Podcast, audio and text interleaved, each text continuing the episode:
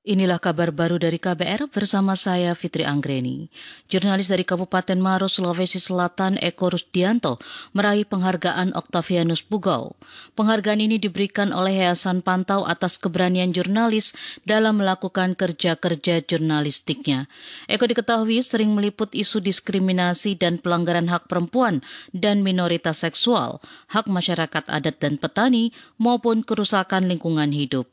Terbaru liputan Eko yang berjudul Tiga anak saya diperkosa, saya lapor polisi.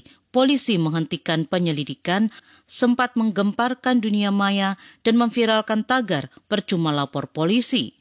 Salah seorang juri dari penghargaan Octavianus Pugau, Kun Hussein Pontoh menyebut kegigihan menggali sebuah kasus, belajar soal liputan trauma, menulis laporan yang kritis, membuat juri sepakat Eko Rusdianto layak atas penghargaan itu.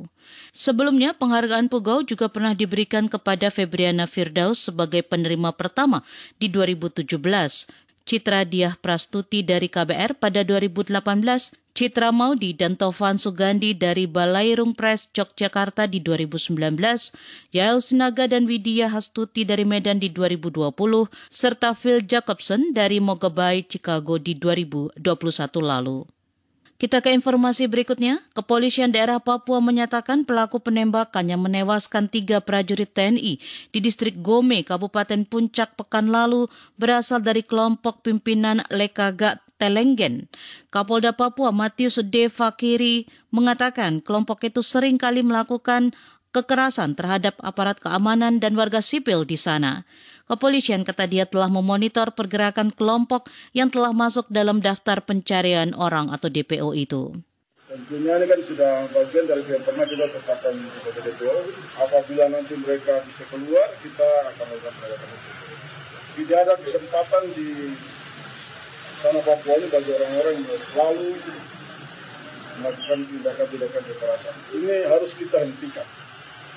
Sehingga pihak Polri tentunya kita akan bersama dengan teman-teman TNI bagaimana mengambil langkah-langkah cepat yang sok dan terukur untuk melakukan tindakan hukum.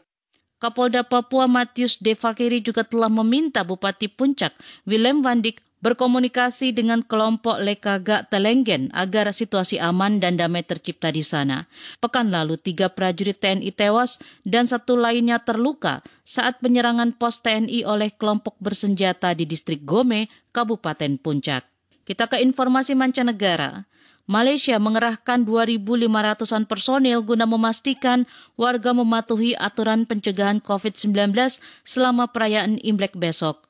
Dikutip dari The Straits Times, pemerintah Malaysia telah melonggarkan sejumlah aturan perjalanan. Selain itu, kumpul keluarga saat Imlek juga bisa dilakukan. Direktur Departemen Keamanan Dalam Negeri dan Ketertiban Umum Malaysia, Hazani Ghazali menyebut, kunci dari perayaan Imlek adalah merayakan dengan bertanggung jawab dan melindungi diri serta orang lain dari ancaman COVID-19. Saat ini kasus COVID-19 di Malaysia kembali melonjak akibat kemunculan varian Omikron. Demikian kabar baru dari KBR. Saya Fitri Anggreni, salam.